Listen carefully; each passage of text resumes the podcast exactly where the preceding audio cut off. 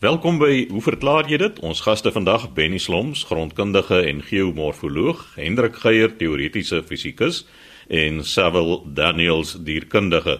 Nou Sewil, in die vorige program het jy agter jou jeug geskuil en toe laaste gepraat. Nou vandag gee ons jou geleentheid om voor die senior manne te praat en die vraag wat jy gaan behandel is watter voedingsstowwe is daar in soutmere? Chris, ons te vraag van Ria van Sail en sy wil graag weet na aanleiding van Yuri van der Heever se verduideliking van die lewe wat in soutmere voorkom, watter voedingsstowwe sou daar beskikbaar wees vir voëls wat by hierdie mere voorkom? Nou, die waarskynlikste diere wat by soutmere voorkom en wat ons weet wel teenwoordig is by hierdie mere waar die soutoplossings of die soutkonsentrasie vreeslik hoog is, is mikrokrustasie soos byvoorbeeld die wat 'n mens kry in die suborder Anostraca wat nou een van die vier subordes binne die klas Brachiopoda is en hulle is alom bekend as fairy shrimps. Hulle varieer in lengte van omtrent 6 mm tot 25 mm. Hulle is uh, filtreervoeders en hulle vreet alge. Hierdie diere kom wel in hipersoutmere voor En in die algemeen dink ek moet 'n mens onthou dat uit 'n fisiologiese perspektief uit diere kan of osmoreguleer of hulle kan osmokonformeer. Met ander woorde, jy kan of jou soutoplossing binne jou selle op 'n konstante vlak hou of jy kan jou soutoplossing binne jou selle op dieselfde vlak hou as wat in die onmiddellike omgewing is. Nou hierdie diere, die anostrake of hierdie fairy shrimps, hulle osmoreguleer, met ander woorde, hulle het 'n interne soutoplossing wat hulle dan nou op 'n verskillende vlak hou as die wat in die omliggende soutmeer voorkom en hulle doen dit deur middel van 'n soutklier wat dan nou teenwoordig is. Een van die fascinerende aspekte van hierdie diere is dat hulle 'n rustende fase kan ondergaan, 'n diapose wat kan lei tot 'n dormansie en die dormansie kom dan nou gewoonlik net voor nadat die diere voortgeplant het. Met ander woorde, die eiers van hierdie diere kan in die sout woon of in die sand of die sediment wat dan nou om hierdie mere voorkom. En hierdie bestaan gewoonlik, die sis wat aan die buitekant van die eiertjie voorkom, bestaan gewoonlik uit 'n lipietlaag uit of 'n vetlaag en hulle kan vir 'n paar honderd jaar in die areas voorkom in hierdie mere voorkom en hulle kan droogte weerstaan, hulle kan bevriesing weerstaan. Daar self eksperimentele bewyse dat wanneer hulle jy hulle na die buitenste ruimte toe neem en terugbring kan hulle nog steeds weer ontwikkel tot volwaardige individue. So die antwoord is dan nou dat hierdie Anostraka of hierdie fairy shrimps by hierdie hiper soutmere voorkom en dat hulle wel as 'n baie belangrike voedingsstof dien of 'n voedselbron vir visse en voëls soos byvoorbeeld Artemia wat een van die genera is wat in die Anostraka voorkom. En hierdie diere die Artemia speel 'n baie belangrike rol in die dieet byvoorbeeld van flaminke.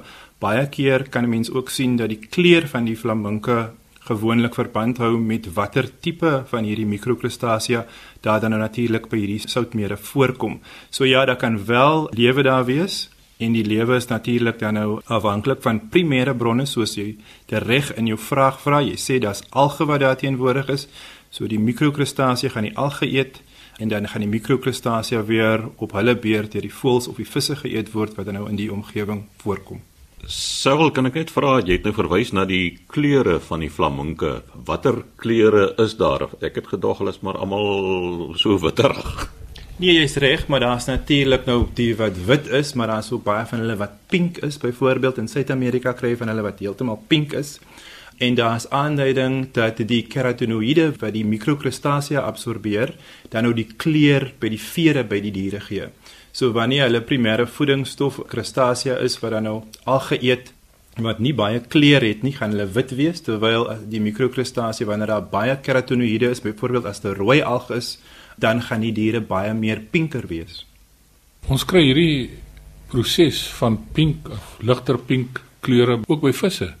So gebeur dit dat uh, forelle indien hulle karotogeen inkry, is die vlees van die visse is ook pink van kleur. Waar kom dit vandaan? Ek is nie seker nie, maar iewers het ek gehoor dat in die lente wanneer hierdie bome hier rondom Stellenbosch al hulle stuifmeel afgooi en die visse eet ook dit dat dit ook 'n impak kan hê op die kleur van die vis se vlees. Weet jy iets daarvan of nie? Ja, jy vra nou vir my vas, maar in die algemeen word die kleur wat dan nou in die vleis byvoorbeeld by die varswatervisse voorkom bepaal deur die dieet van die diere. So daar moet 'n karotenogeen ryke bron eers in die omgewing wees. Dit kan krappe wees of garnale wat byvoorbeeld karotenoïdes kan berg net voordat hulle vervel of verdop. So ek sou dink dat dit dan nou die primêre bron sou wees van die kleur by die visse. So sê Sewil Daniels, ons dierkundige. Nou Hendrik, die vraag is 'n bietjie langer, maar ek gaan dit nou maar net kort stel. Hoe werk 'n reënmeter? Chris, ja, dankie vir die geleentheid om hierop te reageer. Ek sou sê reënmeters is eenvoudig, hulle werk net, maar die vraag wat iemand wat sy e-pos net as nik geteken het, stel dit spesifiek so. Hy wil sê hoe word die hoeveelhede en tregtergrootte van 'n reënmeter bepaal? Ek neem aan wanneer hy na hoeveelhede verwys, vra hy eintlik hoe 'n mens so 'n reënmeter eik as jy nou eers 'n tregter daai het, hoe weet jy waar om die streepies te maak sodat dit akkuraat vir jou sal sê hoeveel dit nou eintlik gereën het. So om die storie te begin, Chris, eerstens ek dink as dit net gaan oor die grootte, is dit 'n arbitreëre keuse wat wie ook al hierdie goed vervaardig maak en dat dit afhang van die gebruiksfunksie. So mense kry tipies reënmeters wat vir huishoudelike gebruik voorberei word, ander wat op industriële vlak en en vir ander doeleindes gebruik word. Maar daar's niks ekstern wat bepaal hoe groot 'n reënmeter nou eintlik moet wees nie en as 'n mens in jou plaaslike hardeware winkel gaan rondkyk, sê jy waarskynlik reënmeters van verskillende grootte sien. So kom ons aanvaar dat die tradisionele vorm van so 'n reënmeter inderdaad 'n trechter of 'n kegel is, dan s'ie vraag, hoe word die ding nou geëik? Om dit te kan doen, moet 'n mens natuurlik weet hoe bepaal jy die volume van so 'n kegel? En wat 'n mens kan sê is dat dit afhang van die sirkelvormige oppervlak van die bek van so 'n kegel en natuurlik sy hoogte. Meer spesifiek is die antwoord dat die volume 1/3 vermenigvuldig met die oppervlak, dit wil sê pi r kwadraat, die gewone oppervlak van 'n sirkel met 'n radius r is vermenigvuldig met die hoogte h. Om miskien 'n makliker analoog te skets wat mense sal help verstaan wat dit beteken as jy 'n kegel en 'n silinder het wat dieselfde hoogte en dieselfde basis deursnit het, dan beteken dit jy kan 3 kegels in daai silinder inpas.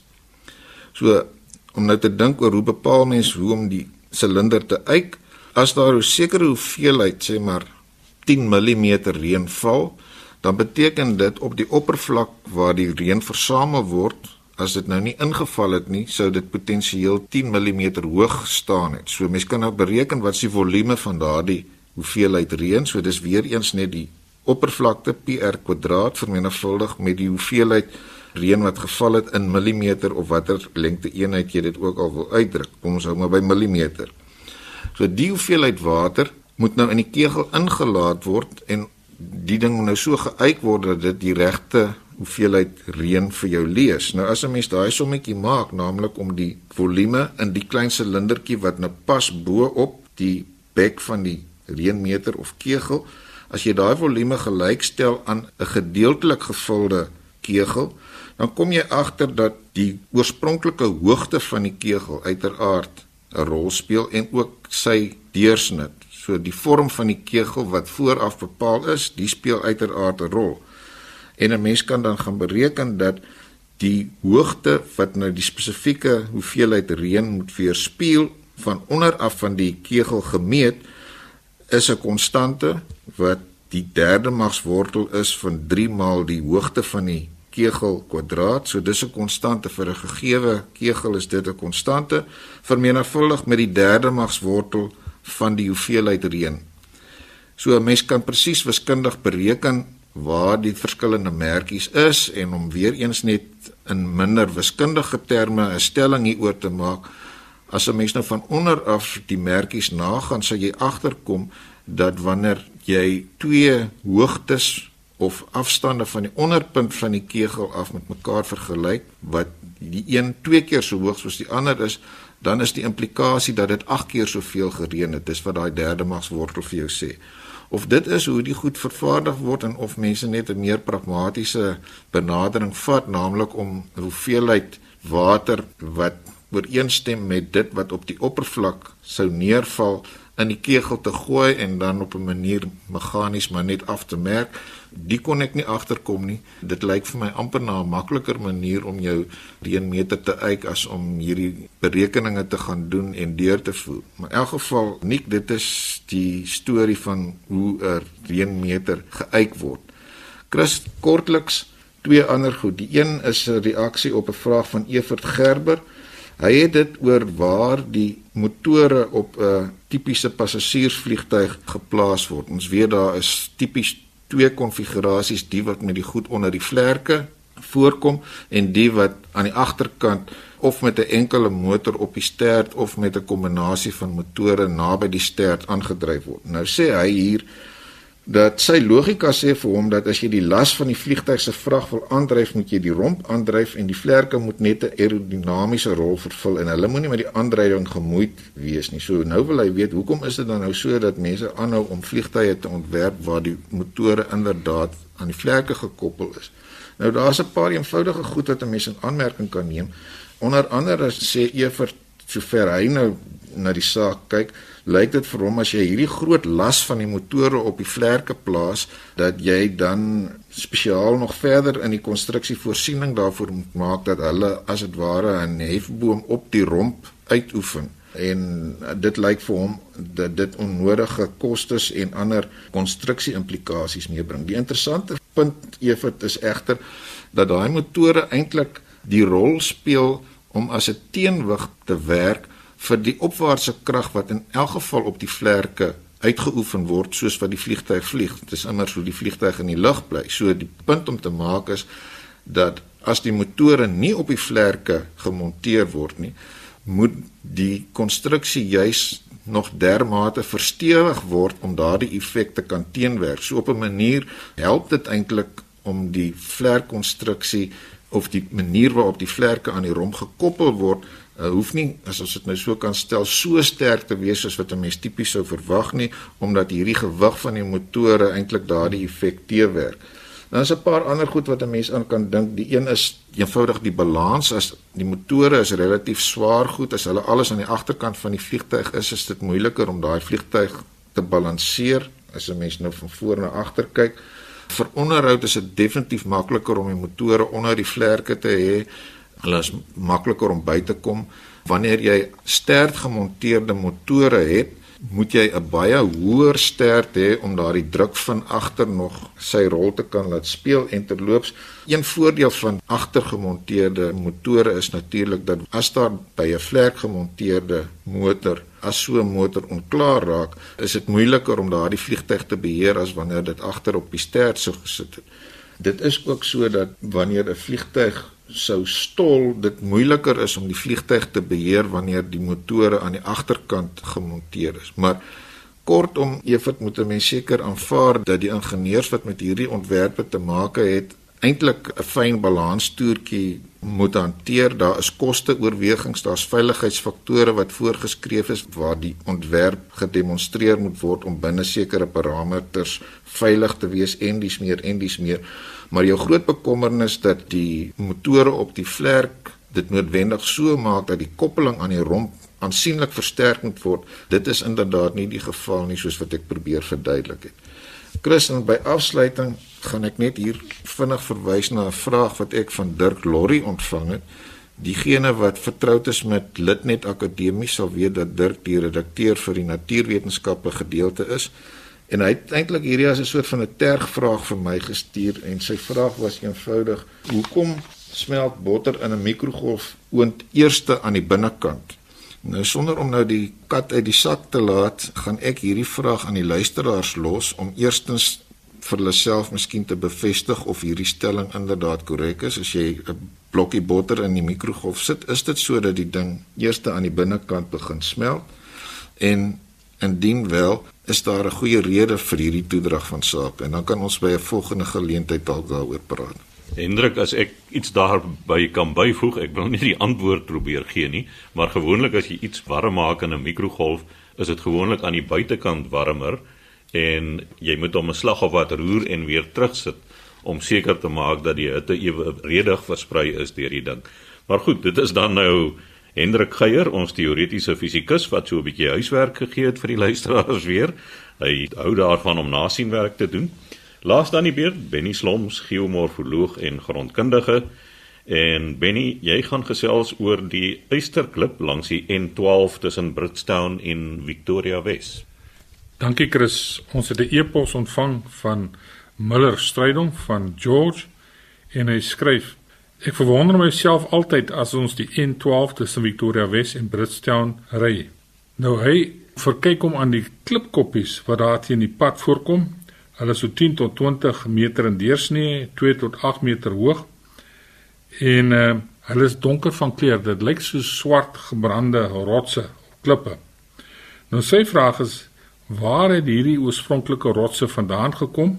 Het dit van berge af getuimel en hy sien nie so 'n bron van hierdie rotse nie? Of is dit dalk afgevoer deur 'n groot rivier? Of het iemand die hoopies daar gepak of dit deur sy vingers laat loop soos sand by 'n strand? Nou die eerste keer wat ek dit gesien het, Miller was juis in die suide van Namibië En dit het vir my gelyk asof reuse daar met groot kruiwaans hierdie klippe neer gaan sitte daar, gestort het. In hierdie plat omgewing staan hierdie hoop klippe baie duidelik uit. Nou ek het al 'n hele paar keer in die verlede verwys na die genese van hierdie verskynsel. Nou die rotse wat jy daar sien is dolerietgesteentes. Dit is 'n basiese stollingsgesteente. Dit is donker van kleur en het fyn tot medium kolrige kristalle. As jy hom van naby gaan bekyk, dan sal jy die verskillende komponente kan uitmaak daar. Nou hierdie stollingsgesteente, die doleriet, het so wat 200 miljoen jaar gelede in die oorliggende Karoo gesteentes ingedring in gange, nou 'n vertikale indringing en plate, horisontale indringing tussen bestaande sedimentêre gesteentes maar dit het nooit aan die oppervlakte uitgeloop nie. Met ander woorde, dit het 'n sekere hoogte bereik binne in hierdie oorliggende gesteentes en daar het dit afgekoel, relatief stadig afgekoel en dit is die rede hoekom doleriet kristalle het. Nou na miljoene jare se erosie het die oorliggende gesteentes verdwyn, dit is verwyder deur hoofsaaklik watererosie en is van hierdie doleriet gesteentes aan die oppervlakte blootgestel en kan 'n mens hulle sien. So Miller, hierdie doleriete het dus nie vanaf hoër liggende berge afgetuimel en aan die voet versamel nie en dit is ook nie deur riviere daar afgesit nie. So dit is die oorblyfsels van 'n dolerietgang wat in die Karoo gesteentes geloop het. Nou die hoopies wat jy daar sien, is natuurlik die oorblyfsels van hierdie gang waar die doleriet om een of ander rede meer weerstandbiedend was teen verwering en tussenin was dit dalk so klein bietjie sagter. Nou die ander vraag wat jy vra is, hoekom is dit sulke hoekige klippe wat daar op 'n hoop lê? Wat het aanleiding gegee tot die spesifieke vorm van hierdie eysterklippe? Nou Miller terwyl die doleriete nog ondergronds was, met ander woorde nadat dit in die oorliggende Karoo gesteentes ingedring het en afgekoel het, is hierdie doleriet blootgestel aan laterale drukkragte. En hierdie drukkragte het die doleriet opgebreek in nate en krake wat min of meer loodreg op mekaar was.